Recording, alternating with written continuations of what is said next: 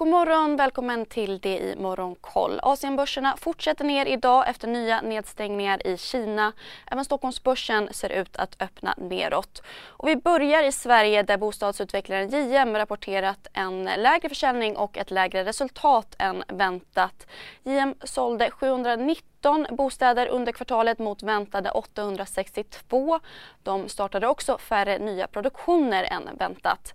Vidare har fastighetsbolaget Nyfosa redovisat ett klart högre förvaltningsresultat än väntat på 637 miljoner kronor vilket var en ökning på 18 procent jämfört med förra året. Även nischbanken TF Bank ökade resultatet i kvartalet samtidigt som kreditförlusterna ökade. Och norska banken DNB har också släppt rapport. Resultatet var starkare än väntat. Igår kväll kom fiberkabelbolaget Hexatronic med en omvänd vinstvarning och uppgav att rörelseresultatet ökat preliminärt med 173% i det andra kvartalet. 60% av tillväxten var organisk.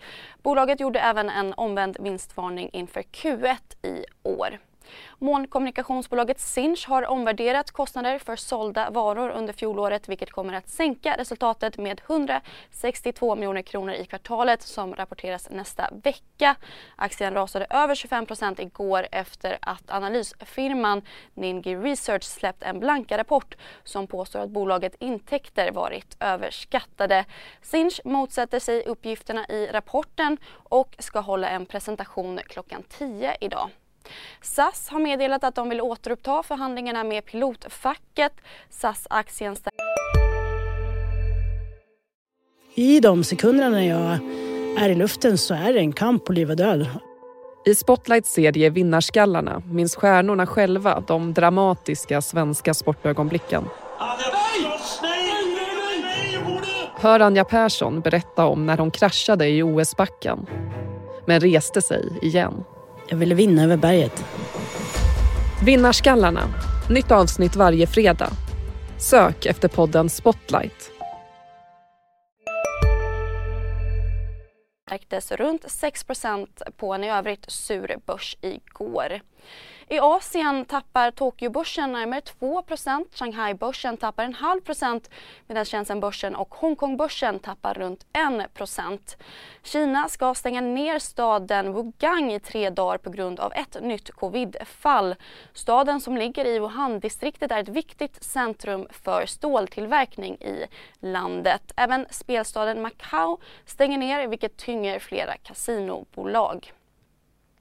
Vidare rasar kinesiska BYD som är världens största elbilstillverkare 10% efter spekulation om att Warren Buffetts investmentbolag ser över sitt innehav i bolaget. Elbilsbolagen Nio och Xpeng faller runt 5% respektive 3,5% De följer även rejält i USA igår efter att verksamheter stängts ner i Shanghai och att bankarfirman Grizzly Research riktat in sig på Nio.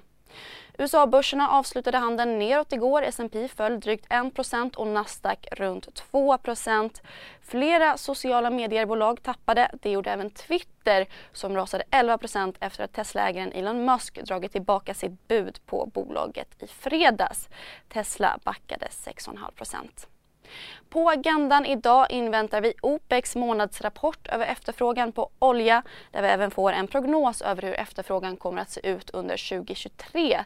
Förväntan är att oljepriset kommer att falla tillbaka rejält från nuvarande höga nivåer. Vidare släpps tyska SEV-index över investerares och analytikers förväntan på ekonomin under förmiddagen. Och så sänder vi på DTV Nyheter igen klockan 10 och klockan 13. Ha en trevlig dag. CSRD.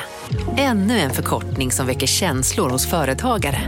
Men lugn, våra rådgivare här på PWC har koll på det som din verksamhet berörs av. Från hållbarhetslösningar och nya regelverk till affärsutveckling och ansvarsfulla AI-strategier. Välkommen till PWC. Hej, Synoptik här. Så här års är det extra viktigt att du skyddar dina ögon mot solens skadliga strålar.